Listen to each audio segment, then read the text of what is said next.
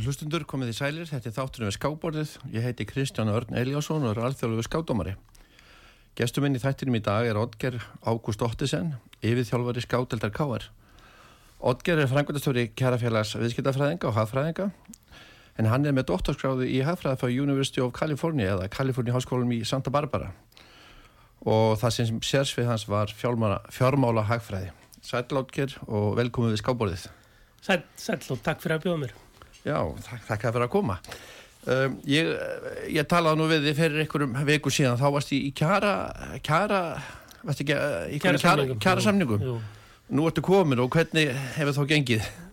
Við erum búin að semja við ríkið, en þá erum við eftir að semja við bæði borgu og önnarsveitafélag og, og fleiri aðla. Þannig að þetta er ekki búið, en, en það er stundmilli stríða núna og ég hafði tíma til að koma í þáttinu. Það er flott. Herru, þú ert frá hver að gera það ekki? Jú, fættur uppalinn þar. Og hvenar eh, hóst áhugð þinn á skák og, og... Ég, ég var í ég fættur 73 þannig ég var, var svona já, 10 ára 83 og þá var mikill áhuga skák í samfélaginu. Þá var haldið skáknámskið í skólanum og ég var nú eitthvað byrjaðið að tefla svona heima fyrir það en það hefði mikil áhrif þetta skáknámskið og svo kjölfarið á vinni, vinni mót sem var haldið í grunnskólanum fyrir að keppa síslumóti og, og eh, svo hérna já í kjölfarið svona þá, þá fer ég að tefla meira svona upp úr, upp úr tíu ára aldri.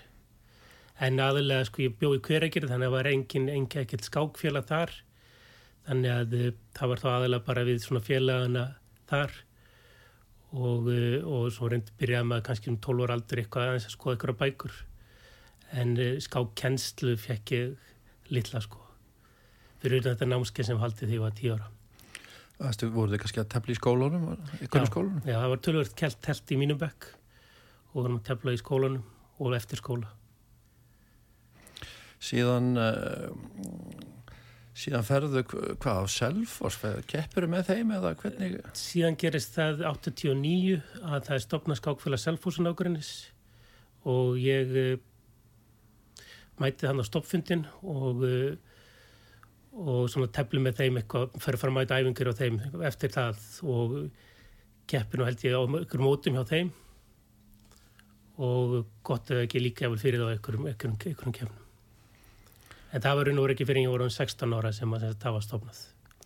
Hvernig er núna þekkjuru það eitthvað eins og núna með Stokksöru, Eirabakki og Þóllósöf þetta er svona nákvæmna byggðalög Er, er telt þar eitthvað? Er, er eitthvað skáklúpa þar? Ég veit að það er mikill áhugi núna í dag. Það er svona búin að vera að sprengja svo, veist, og hérna, en hvernig var þetta á þessum tíma? Sko það var þannig sem sagt 1950-60 þá voru skákfjölu víðum orninsíslu.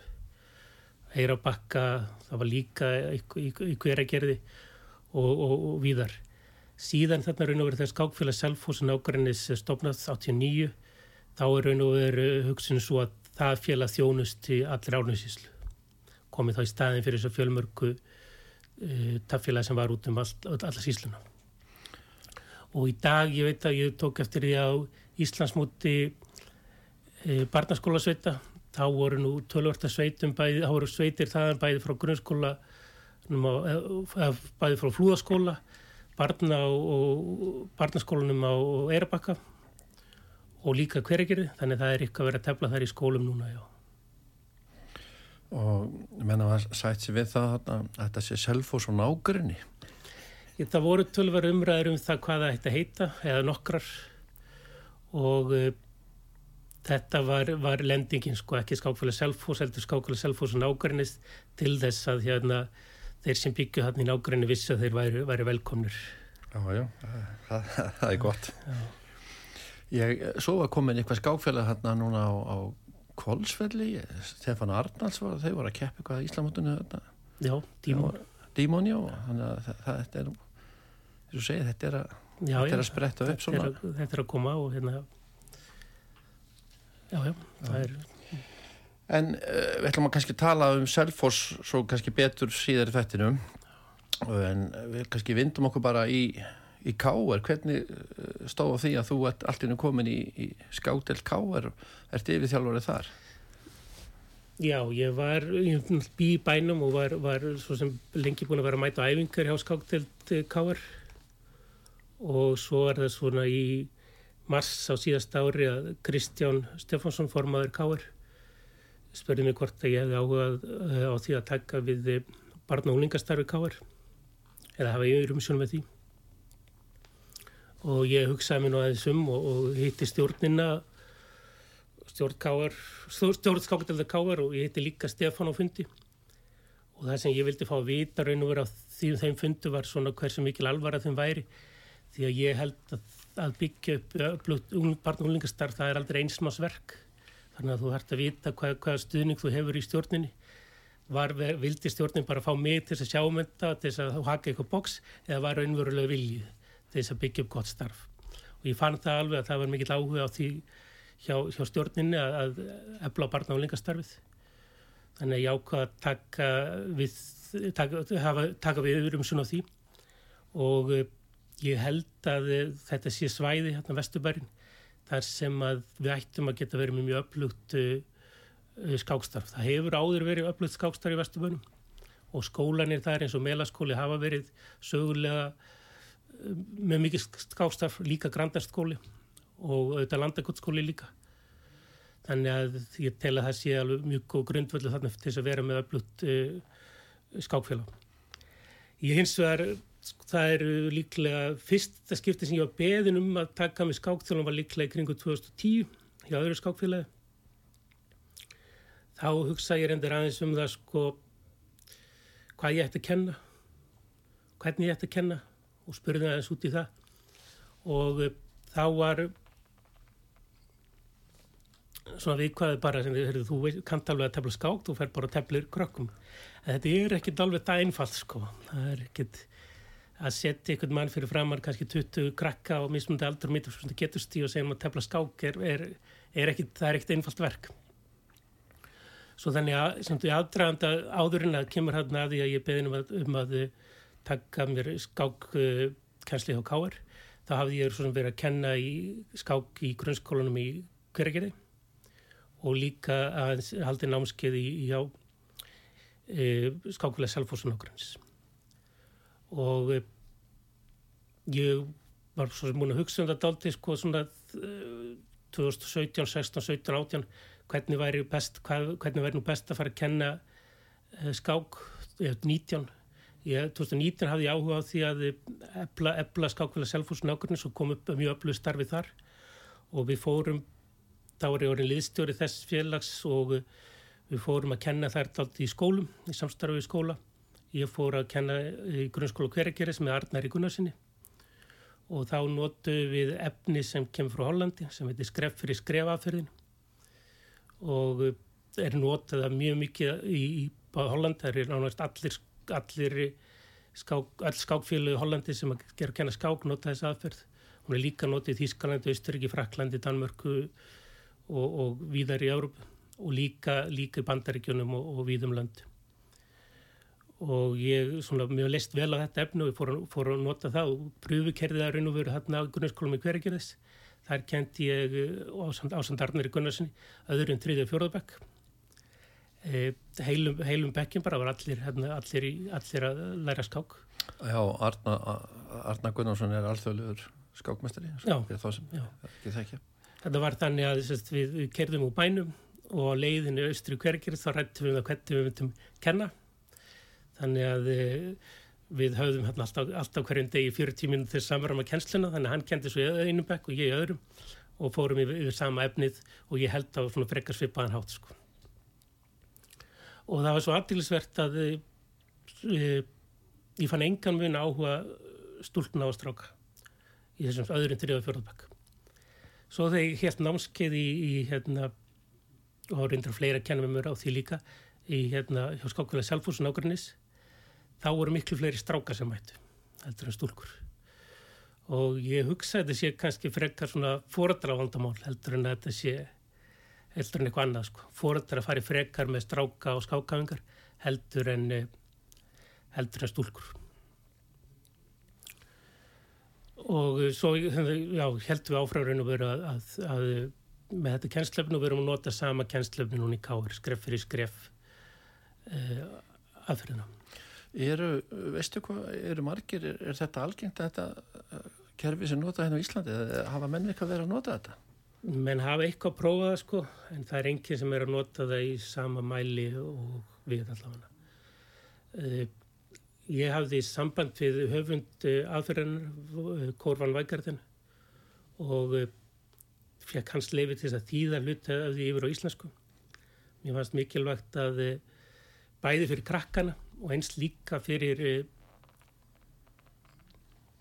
fyrir þá sem er, voru, voru þjálfara að vera með samræm, búin að samræma raun og veru húttakanótkun og vera með allt efnið á, vera að kenna raun og veru á íslensku.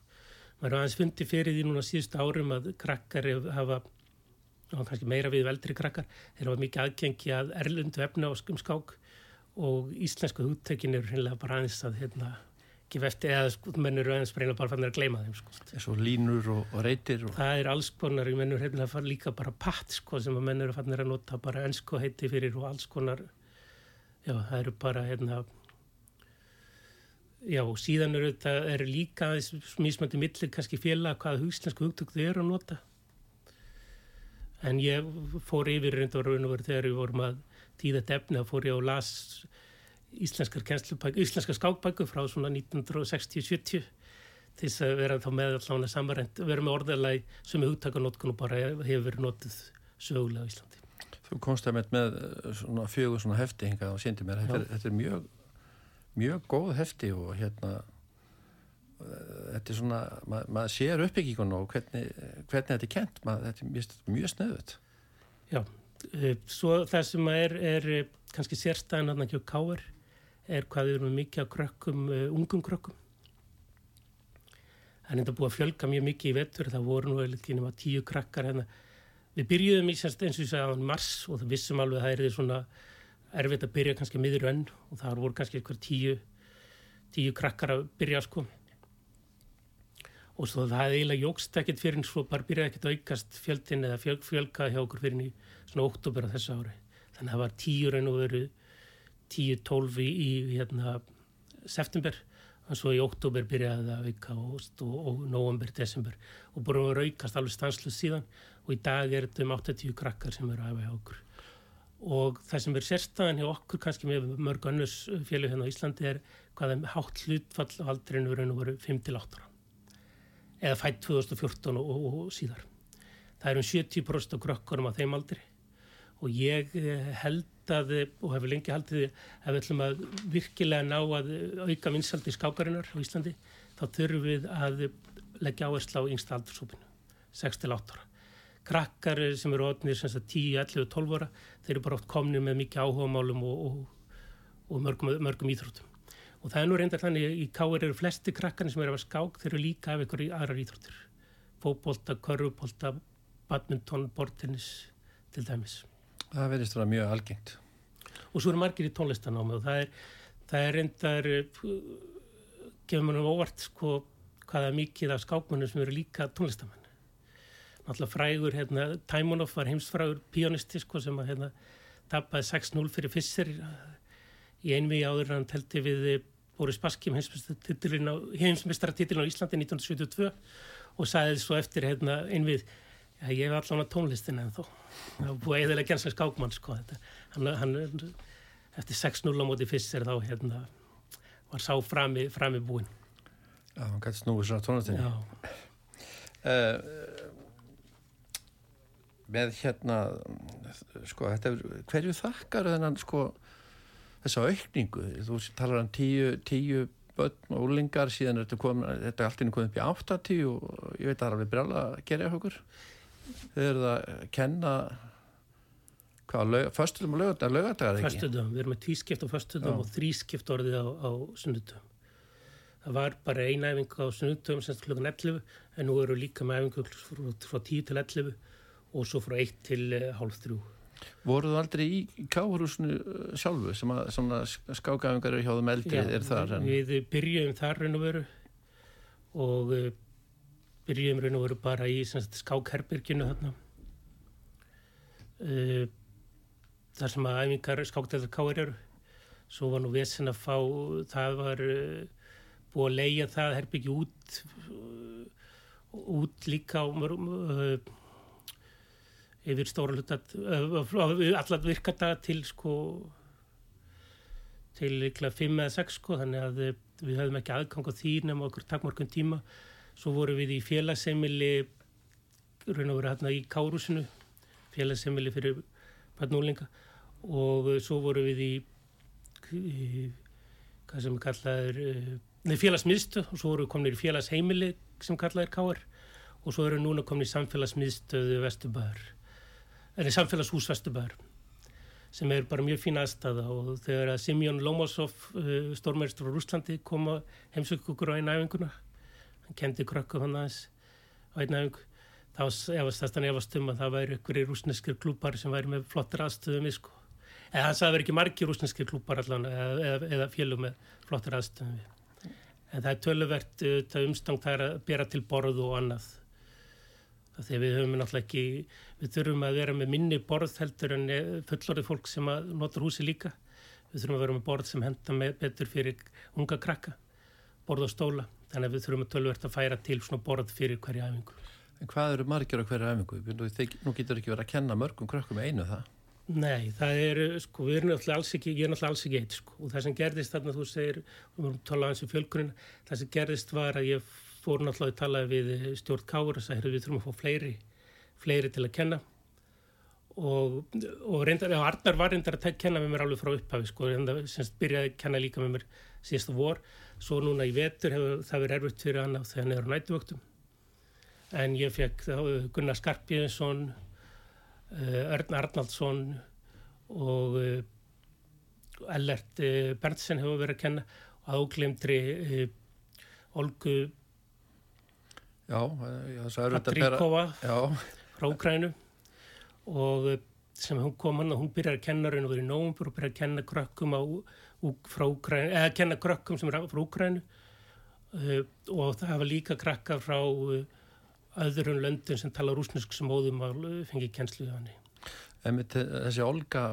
Prudnikova hún er hérna núna er hún er hún ekki lögulega núna með íslenska landsliðin hún er sterkasta gákur á landsins. jú, jú, hún er það. Og lítur að verða valin í það hún er, hún er tölvert hún er mjög sterk, hún er með 2260 elustig 68 68, ok. Og eh, næst sterkasta er með hvað hún 2000 eða hvað Já, lenga hefur náttúrulega, sko, hún hefur, já, hún fyrir svona upp og niður, hún er eh, yfir 2001 eða 2086 manni, já, okay, síðast, hún er eitthvað hækka.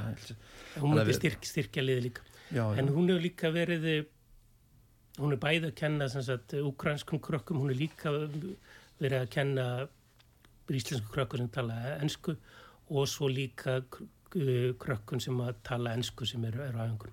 Og við verum með mikið af krökkum frá Índlandi sem að ganga í allþjóðadeild landakváðskóla.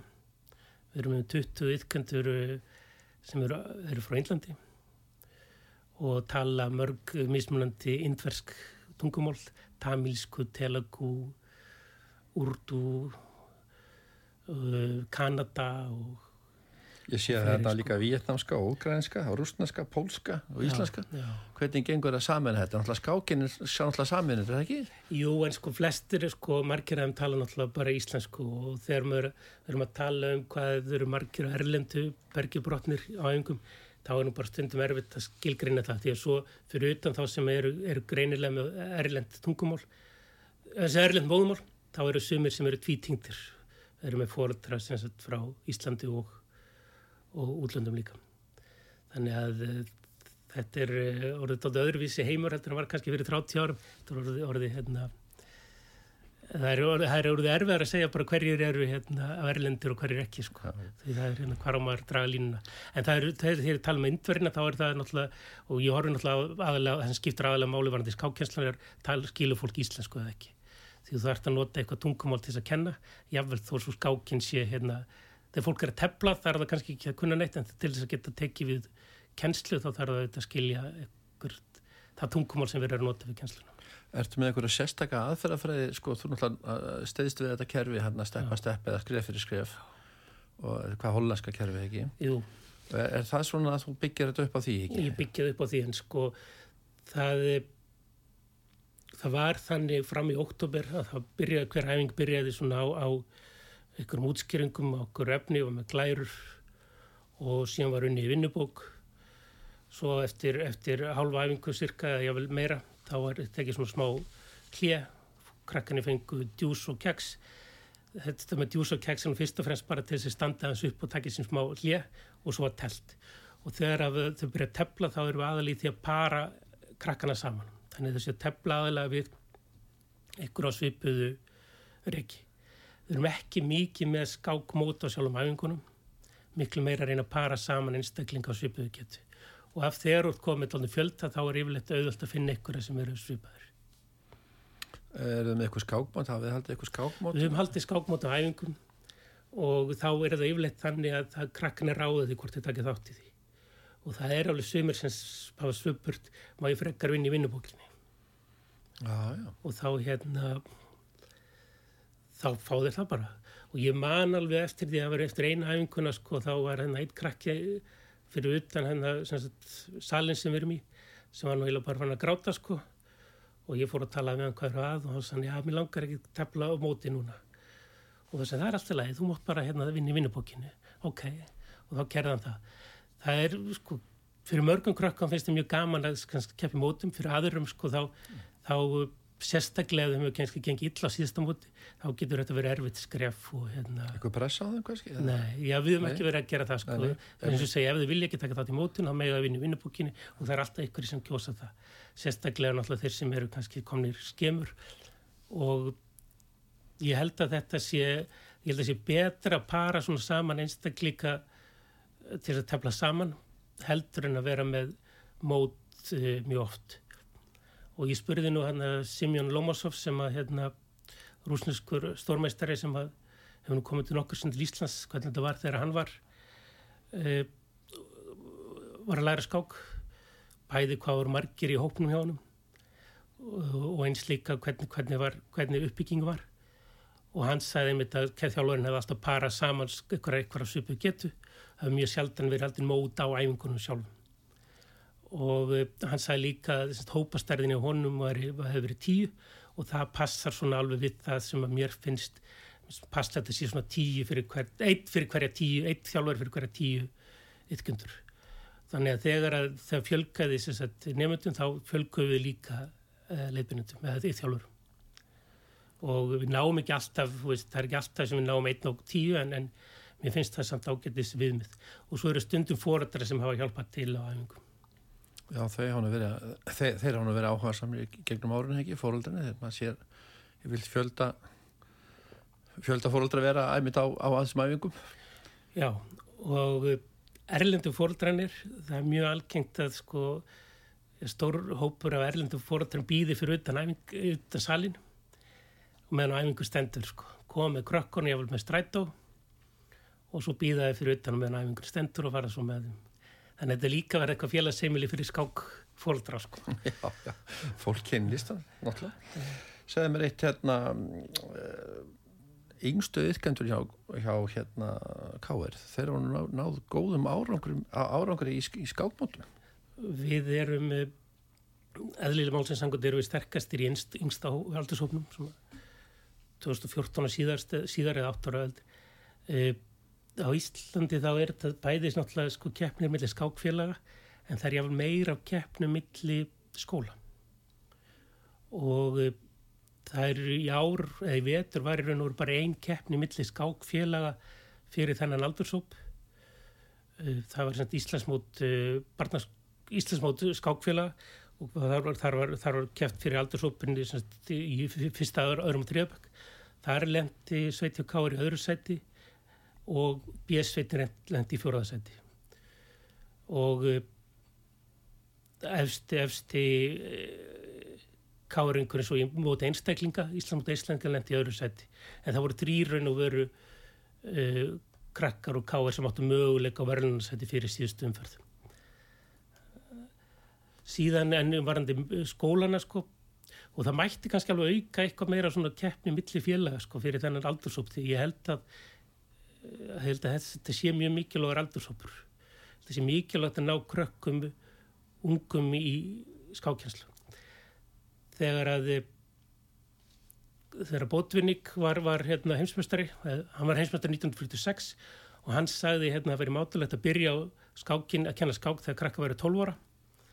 En heimurinn hefur breyst og það er núna eru krakkar eflóðið stórmestrar á þeim aldrei sko og, og hérna það er mjög algengt út í heimi allavega að, að krakka sér byrja miklu fyrr en já, skák í, í áranguvarandi skáks uh, keppnum millir skóla þá er melaskóli varð Íslandsmeistari í hérna, barnaskóla sveita fyrst þrjöbökkur það eru allt krakkar sem er að æfa með skákdeild uh, K.R. og BS-sveitin varði í fjórðasæti á sama móti með jafnmarka vinningar reyndar á sveiti sem að lendi í þriðasæti uh, Vesturbæðar skóli lendi svo í hérna í fymtasæti þannig að það voru þrjára fimm öfstu sveitunum voru þarna úr Vesturbænum mestuleiti skipaðar ytkjöndum hjá K.R en síðan, síðan verður þetta bara, bara tímunalega ljós hvað verður í, í framhaldinu. Það hefur núna á síðustu tvei mánuðum fjölka líka mikið hjá hverju á aldrinum 10 til 13 ára. Fjölkun hefur verið setna í þeim aldursópi heldur fyrir. Svo er þetta aldrei sérstaklega þetta sko þegar við vorum að byrja að ræða kjænsluna þarna í mars í fyrra. Þá hugsa ég þetta tannig að það væri ætti vera hægt að ná svona 5% af yðgöndum eh, á grunnskólaaldri í þess að hafa skák. Er kannski einni, einni hverjum bekk. Síðan er einslan svo að við erum með sumabekki þar sem eru nánast meirinn helmingurinn af yðgöndum í, í að hafa káður og aðri, aðri, að, að, að skáki káður og aðri bekki þar sem er engin sem sínir auðvitað líka hvað þetta er mikið félagslegt. Við erum með bekki í melaskóla sem allir strákanir eru, eru að hafa skák með káar. Við erum með bekki í alþjóð til landakotskóla þar sem alla stelpunar er að æfa skák hjá káar. Og e, það er, e, krakkarnir vilja vera að æfa eitthvað með vinnu sínum, með, með þeim sem félagum sínum. Þannig að félagslegi þátturinn er, hann er miklu sterkari heldur en ég kannski áttaði mig á. Og það er mjög mikið af þeim sem hafa byrjað að æfa skák hjá, þú spyrur út í fjölkunina, það er mjög margir sem hafa byrjað að æfa, sem hafa byrjað að æfa eftir viniður að byrja að æfa mm -hmm. það, er, það er hérna fólk, krakkan eru að draga víni sína með æfingu, það er, ég myndi segja, það veri algengasta svona uh, leiðin sem að krakkar heyra á æfingunum, að þeir heyra það frá okkur öðru sem byrjaði að æfa Við ætlum að, já, við ætlum að fara dagursmálið, við ætlum að fara í auglýsingar en eftir auglýsingar ætlum að fá lag sem að þú hefur valið, hvaða lag valdið þú? Herri, Vaka Vaka uh, með Shakira. Það var, heim, var lag heimsmyndstarkeppninar í Gnaspinni 2010 og mér finnst þetta eitt flottasta lag heimsmyndstarkeppni í Gnaspinni bara í sögunni. This Time for Africa Já, This Time for Africa sko. Þá förum við auðvisingar og komum svo Já. aftur. Hlustum að lagi koma aftur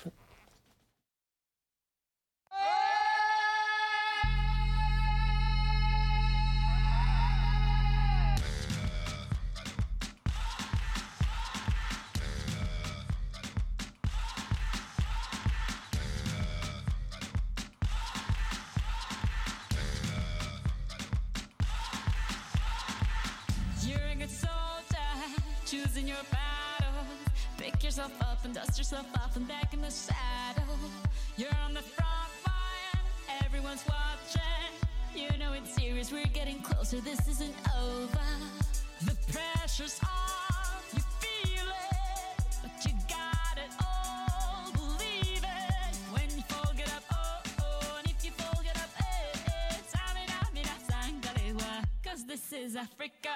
Samina, mina, eh, eh. Waka, waka, eh, eh. Samina, mina. This time for Africa.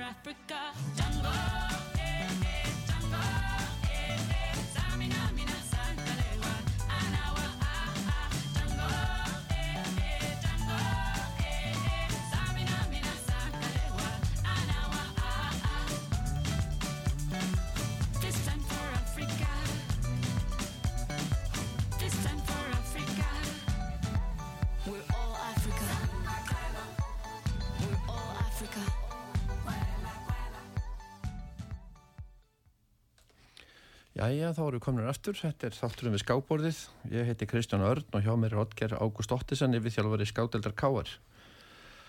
Otger, við vorum að tala um já, yngri kynnslófin í Káar í skákinni. Hvernig sérðu framtíðina fyrir þér? Er hún ekki björst? Ég held það sko. Það er á næsta vettur, við erum, við við erum kemna núna, eða þjálf, við erum æfingar fram í júni og svo tökum við hlið og byrjum aftur í ágúst. En eh, næsta vettur gerir ráð fyrir að það muni bara frá, frá uh, næsta september vera mista 100 krakkar að æfa skákja og skákdelt káar. Og eh, munurinn kannski það vænti kannski ég núna er að munurinn verði þá að það verði þá fleiri sem byrji aldrei núna fyrir árið síðan og færri sem verði að byrja þá kannski setna á önninni. Það er núna hefa eiginlega verið hverju einast æfingu nánast einhver nýrað byrja. Vi, við hvað aldur miður ef eitthvað hefur áhuga á að koma? Er, er þetta grunnskóla aldurinn eða? Þetta er grunnskóla aldurinn. Flestir, langt flestir eru þó aldurinn um 5 til uh, uh, 13 ára. En ég sagði grunnskóla aldurinn, við erum reynda með nokkra 5 ára líka. Og við höfum ekki, það, það er í góða lagi. Og það eru nokkri 5 ára, bara 5 ára mjög efnilegir og reynda 6, 7, 8 ára og, og eldri líka. Og en, en á næsta ári þá munum við aldur skipta þessu líka. Þannig að við erum reynda að byrja að aldur skipta þessu kostur með að vera með margeitt kemtur að þá er hægt að skipta um niður í, og meira valmöðuleika hvernig þú skiptaði niður í hópa og við þurfum að uh, huga því núna næstu mánu hvernig við nákvæmlega að gera en við munum aldrei skipta kannski munum við einhverja, tíma líka skipta eftir tungumálum. Við höfum þetta einhverja leiti gert að það er kennsla rúsnesku farið fram í, rúsnesku og ukrainsku farið fram í sér sall en síðan hafa þau krakkanir komið eftir, eftir 45 minútur og telt við hinna þannig að við þurfum að, þurfum að ymsa í huga en ég held að framtíðin sem ég bört og hérna það verður næsta ár verður mjög mikilvægt. Festi sessi ymsar aðferðir og, og, og raun og veru líka að halda áfram að þróa, raun og veru starfið. Það sem skiptir málið fyrir, fyrir starfið eins og káir að vera með gott húsnæði og vera með líka kennara, þetta þjálfara. Og það er kannski hefur verið kannski vantað aðeins á það á Íslandi það er kannski eitthvað margir að kenna skák. Og það hefur auðvitað menna að fara út í ymstar leiði til þess að reyna að fjölga því fara að reyna að þjálfa kennara til að, til að kenna skák í skóla en það er ekki ég myndi segja að það hef ekki gengið kannski alveg nógu vel Þessi hérna, bæklingu sem þú nú búin að þýða, ert að þýða það Þetta eru sko, allt, allt er þetta kannski ekstra millir 20-30 hefti sem eru gefin út eða ekki. Jú, og... sérst sex skref og hugmyndin er svo að þú verður verið að ná góðu tökum á hverjum þætti áður og ferður á næsta skref. Eftir hvert skref þá taka þér eh, krakkanu próf til þess að hérna þú sjáur hvað er, hvort þeir hafa nátt tökum á því efni sem að búið að fara yfir. Og þetta er þróað af Korvan Vækarden og Rob Brúnja. Rob Brúnja er, er eða var, hann láti núna, hann var með, uh, hann var með hérna, gráði í kennslufræðum og hafði sér haft því að kenna hæfleikaríkum börnum. Korvan Vækartin var bæði kennaramöntar og líkast alltjóðluðu mistari og þeir uh, byggur til þetta námsefni og það er mjög vel hugað um það hvað er, hvað er kent, í hver, hvernig í hver röðu efnið er kent og hvernig það er kent. Og það hafa alveg orðið hefur alveg orðið þróun í skákkennsla á sístu áratugum. Bara eins og ég nefnið dæmi, það eru öðruvísi aðferði notar í dag við að kenna fólki að máta með kong og róka út í kong heldur en var þegar við vorum krakkar. Það er aðeins öðruvísi aðferði notar við að kenna fólki krakkum að máta með kong og drottningum út í kong heldur en mér var allavega þegar heldur mér var kent sko. Eru það betri? Jú, ég, það er allavega menn telja það, það hefur orðið þróun í kennslufræðinu og það mennur fannar að hugsa meir um það hvernig, hvernig þetta er kent hvernig nefndum er kent og ég held að, að við, við, ég held að framtíða sér björnt og það verður mjög bara spennandi að sjá hvernig þetta þróast á næsta árum Þegar uh, verður þetta nálgast þessi hefti hjá þér kannski framtíðinni?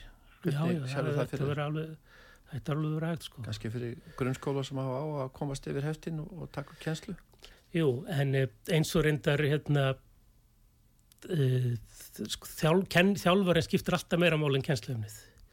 Þannig að eh, fyrir utan að gefa út þessi hefti þá hefur, eh, hefur gáðu þeir Korvan og Gerdan og Róbrúni út líka svona, svona uh, skák uh, raun og veru bækur fyrir kennaran, fyrir þjálfaran og þar sem þeir faru yfir það hvernig þeir, hvað áherslu þeir leggja á við, við það hvernig nefndum er kent og það er til dæmis uh, mjög gaman að segja frá því Olga til dæmis sem er hérna náttúrulega frá Úkrænu hefur lesið þessa bæklinga mjög vel og er mjög hrifin af þessum kjenslefni hún hefur þetta gengið í uh, fengið þjálfun í Úkrænu en er mjög, mjög hrifin af þessu kjenslefni og það gerir stundum að einhverju sem eru mjög góðir í, í skák telli sér ekki þurfa að læra hvernig á að kenna skák. En það er uh, það á alls ekki við um Olgu hún sem er sterk þá hérna, hefur hún hérna, er, er mjög fær þessu og fylgir, fylgir hérna alveg sömu, sömu hérna kennir raun og verið sömu, nota sömu aðfrafræðin og við þó hún sé að kenna rúsnesku stundu, eða úkrensku í öðrum sal sko. Svo í káið það er náttúrulega meira starf þetta byrjaði kannski með bara þessu svona vennilega menn fara að tefla þarna og, og voru með aðstöð, það var einhverju kalla sem fengu aðstöð hann uppi og svona já. kannski hófst þetta á sín tíma og það er nú mikið fjör þar, það er nú reglulegar æfingar ekki á mánudum hjá Tvei okkur. mótur en að veru tilstar viku já, Já, mánudum og lögutum ekki. já, Það er hann að 20-30 mann sem er að mæta. Já, það er yfirleitt á þýbili og þið hefði telt í deltakjöfninni, voruð með Íslandsmótuðu, það hefði verið þar og í efstu eru Efstu efst, og svo unni við þriði og fjóruðgjöld er með miklum yfirbyrjum sá ég. Já, já, þokkalega, það voru Já, svona já, fimm vinningar, já, já. Þannig að þið eru þá með, hvað voruð með mörglið? Fimm eða Sex, sex? lið Þannig að þið verðið þá með, með minnstakosti sex lið. Við getum alltaf verið með miklu fleiri lið e, núna ef við förum út í það að- að skipa lið krökkun sko. Voruð ekki með vorum- svoleiði síðast? Við vorum eitt lið svoleið síðast og það var reyndar aðeins uh, mismöndi skipunin af því fyrir lutanum og setni lutanum.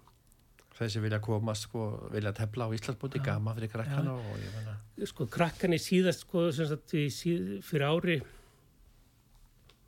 eða sem sagt uh, núna í núna í oktober þá vorum við með sveit þar sem við vorum með eh, hann sæma rock á fyrsta borði og svo krakka með honum og krakkanum fannst alveg svakalega gaman að vera í sveit, sveit með sæma ekki? manninu sem bjargaði fyrstur úr fangelsi í, í Kína þeim fannst það alveg svakalega Ég trúi því. gaman.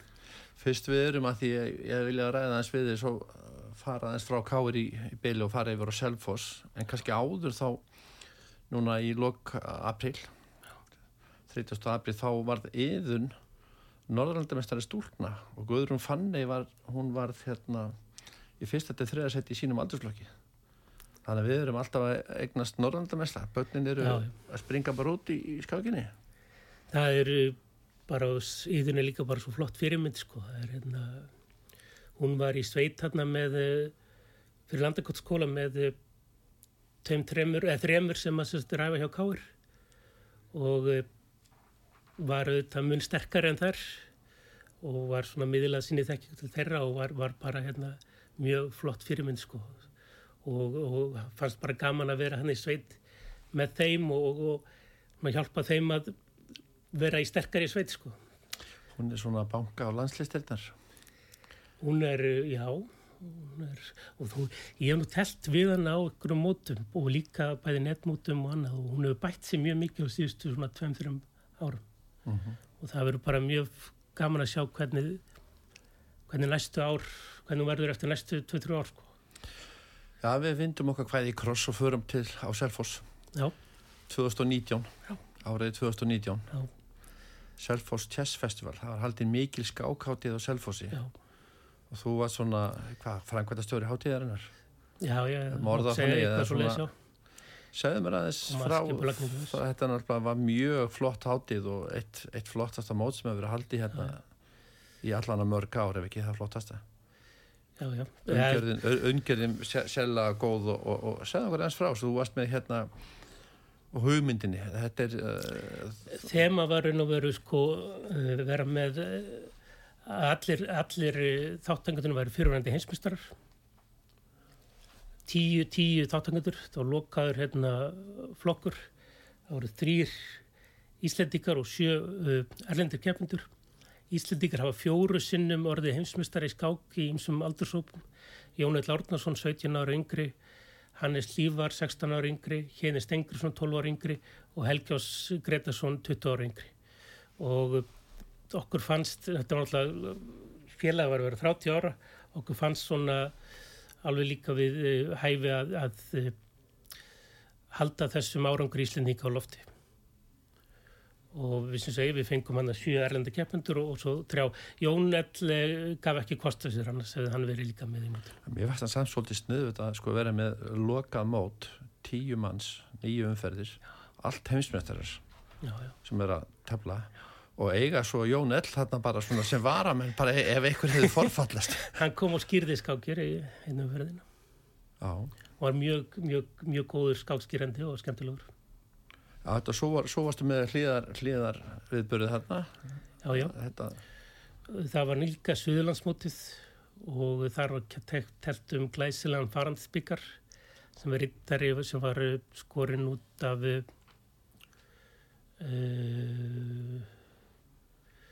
hvað heitir hún Sigriður Kristjánsdóttir eða ekki? já, sem, já, sem gaf, já, sem skar út hennan Já. rittara. Já, hann var, hann er sérlega vandaður og flottur glæsur. Og hér Sigurður Jóna Kristjánsdóttir, Já, útskurðað mestari á grund í Flóa, já, Sigga Grund. Sigga á grund, já. Var ekki Bræði sem að vann þannan, Jú, Prægi vann hann. þannan bygga, Bræði, Bræði Já, Þorfisson sem var já. einmitt hérna í næstjasta þætti, Já. Byrni bróður sinn. Þegar ég hef ekki séð falleri útskurðum minn á æfin held ég en það er alveg rosalega flottur rittari. Já. Og Se- svo voru já. líka, líka út mótsblað og þú skrifaði nú greini í það. Já, ég fekk þannig heiður að þetta Já, er já. verulega, sko, þetta var, hvaða starð er þetta? Þetta er, þetta er, þetta er, þetta er starð, þetta er, hvað er þetta, eins og möggin Já, svoleiðis. Eða, eða, í eða, því, því umbroti, þetta er svona stórt blað, já. Þetta er aðeins held ég aðeins minna en mokkinn. kannski svo fréttablaða þá, svoleiðis. Eða fiskifréttir eða eitthvað slíkt. Þetta er mjög vandað, og margir sem skrifuð í það. Já.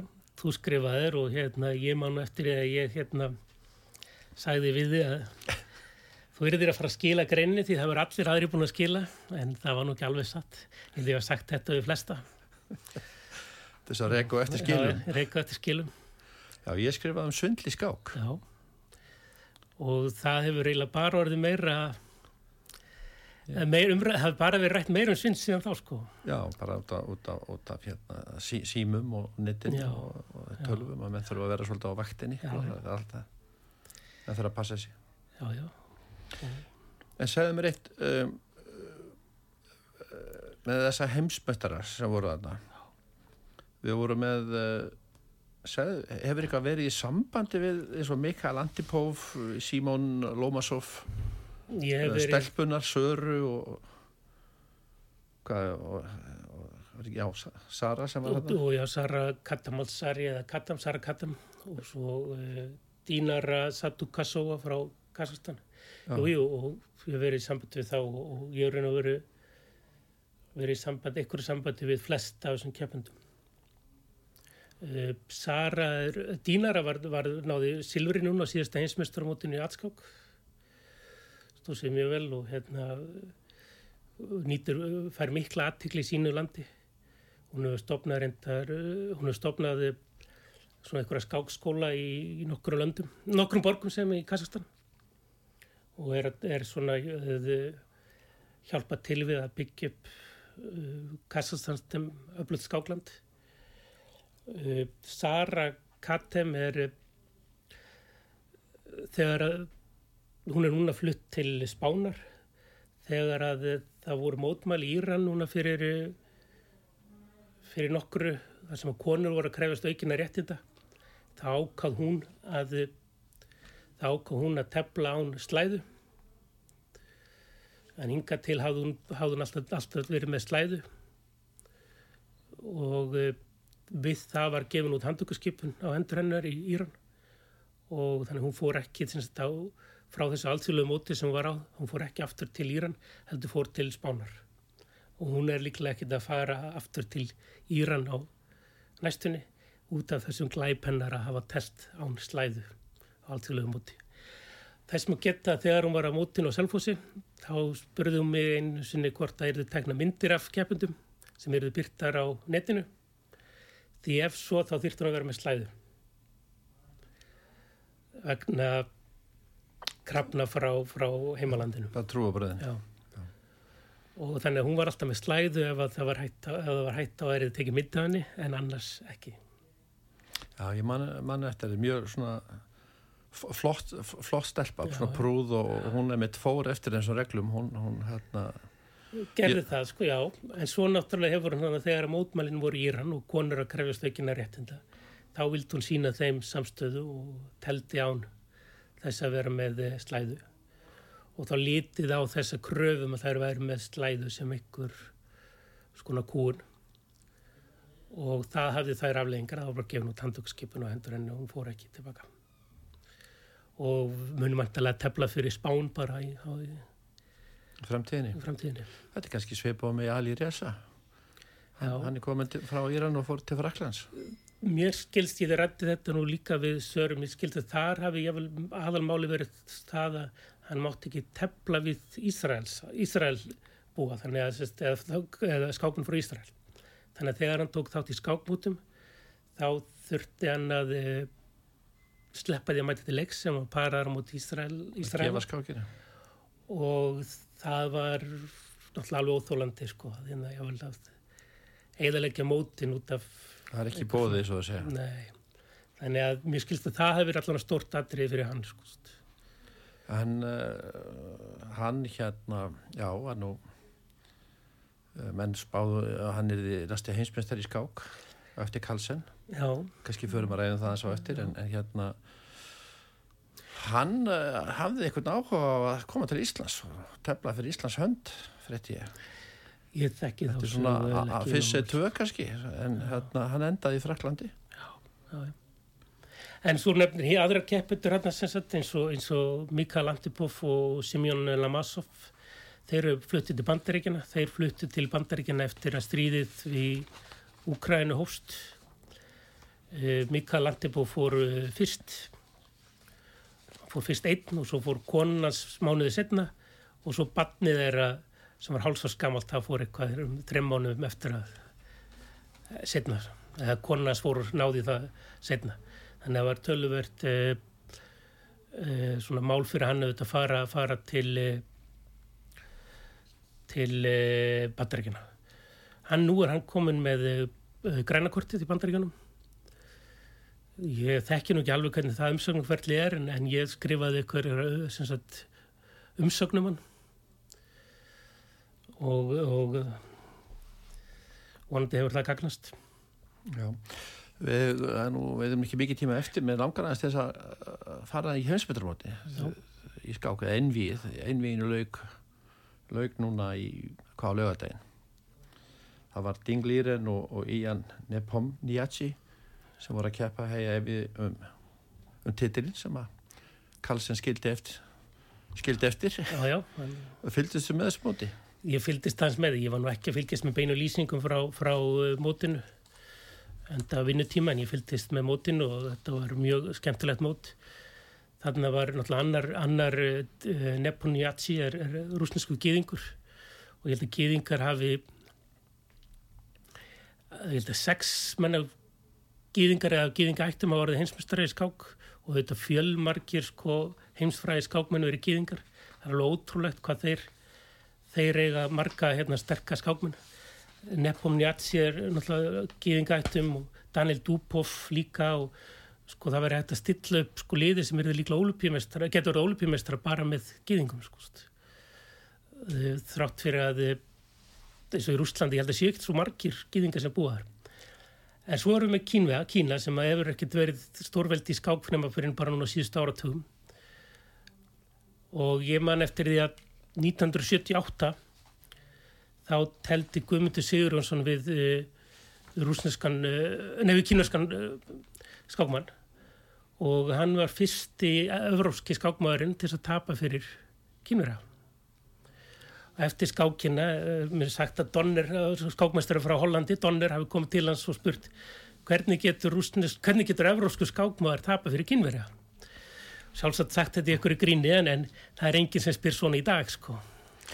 Þeir, nei, Þeir eru heimsmeistarar í Karla, þeir eru heimsmeistarar Kvenna og þeir tók ekki þátt í síðustu olpíumóti út af COVID en á olpíumótinu þar á undan þá eru þeir bæði olpíumeistarar í Kvennaflokki og Karlaflokki. Þannig að þeir eru svo sannarlega orðnir stórveldi í skák.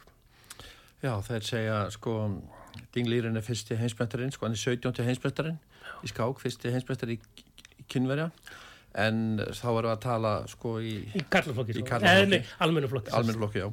En það hafa verið, sko, sex konur sem hafa, kynverska konur sem hafa verið heimsmyndar í skák. Já, já, já. Þannig að núna er sérst Jú Van Jú, hann er heimsbættari kvenna og Ding Lýrin er heimsbættari karla. En ef ég fer aðeins inn inn á skákpunkturins, það er eh, skrifar Yngvar Þóri Jóhannesson sem hann komið inn í þáttinn að hann er að skrifa um skák og, og þetta klára að sérst um helgin eitthvað aðeins að fá að gripa niður í það. Uh, Ding Lýrin lagði í dag í að Nepom Njaci að velli í hólfur, einna hólfur. Áður, áður hafðu þeir telt 14 kapskákir og skildu þar jafnir 7-7. Leiði skildu ekki fyrir í loka, loka atskákinni þar sem Ding með svörtumörnum var mikinn seglu segur. Ding Lýrin teku við krúnuna Magnús Karlsson sem var 16. heimsmeistarinn eftir að hafa náð krúnuna Visvan Anand og áriðin 2013 Magnús hafði svo værið titilinn eh, 2014 gegn Anand, 2016 gegn Sergei Karjakin og 2018 gegn Fabiano Caruana og loks 2001 gegn Ian. Segja má að uh, leiting að titlinum hafi verið sangkallað öskubusgafintýri stríði í Ukrænu hafið þar mikil áhrif. Rússin Sergei Karjakin lísti við stuðningi við stríði á sínum tíma og var í kjölfæri settur í bann á alþjóðlega skáksambandinu. Það þýtti að stegast í keppandið sem ekki hafði unnið sér inn rétt til að tefla áskorandamótunum myndi fá sæti mótunum. Þar stóð Ding vel að víi, enda stegastur, en átti hins vegar eftir að uppfylla lámaskröfur um að tefla þr- 30 kappskákjör á tímabilinu. Mæ 2021 til mæ 2022. Hafði kynverinn aðeins telt fjóra kappskákjör á þessum tíma sögum COVID-faralsins. Kynverska skáksambæti rettaði viðbrunum fyrir Ding með stuttum fyrirvara og hann rétt náði skákunum og fekk sætið. Á áskondramótur náði Ding með frábærum endaspretti að stjala öðru sætin á bandariska- banda- bandarísku stórstjórnunu Hikaru Nakamura með því að leggja hann að velli í loka umfyrinni. Eftir áskonandamóti tilkynnti Karlsins og hann myndi afsala sér krúnunni og því ljóst að sigurveri áskonandamótsins Ian Nepomniachtchi ég er erfitt að segja þetta Ian Nepomniachtchi myndi etja kappi við Ding Líren sem endaði þar í öðru sæti.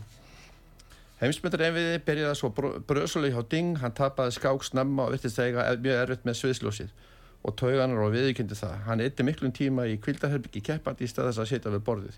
Í fjórðu skákinu náði Ding að vinna skák tilbaka og virtist það að ná tökum á tögunum. Ding letti svo tvisverð í viðbót undir, í einvinu en komdi alltaf tilbaka og hafði loks betur í aðskákinni með mjög þéttir og góðri tapmennsku. Ding er fyrsti kynvirinn til að vinna heimsmyndartitilinn í skák. En eitthvað að lókum Nei, bara, bara, bara skemmtilegt að hérna skuli halda út þessum þáttum og vera að fá, fá hérna fólk til þín að tala um skák sko. Ég nú hlustaði á alla þættina og, og hafa verið mjög skemmtilega bara. Þakka fyrir það. Uh, Þættunum við skákborðið er lokið í dag. Ég þakka gestur mínum Ottgeri Ágústi Ottesen yfir þjálfur að skákdelda káði fyrir komin í þáttin og fróðlegt og skemmtilega spjall. Braga reyninsinni, þakka ég fyrir tæknimál og stjórnum útsendingar og hlustundum öllum fyrir hlustununa. Ég heiti Kristján Örn Eliasson, verið til sæl og góða stundir.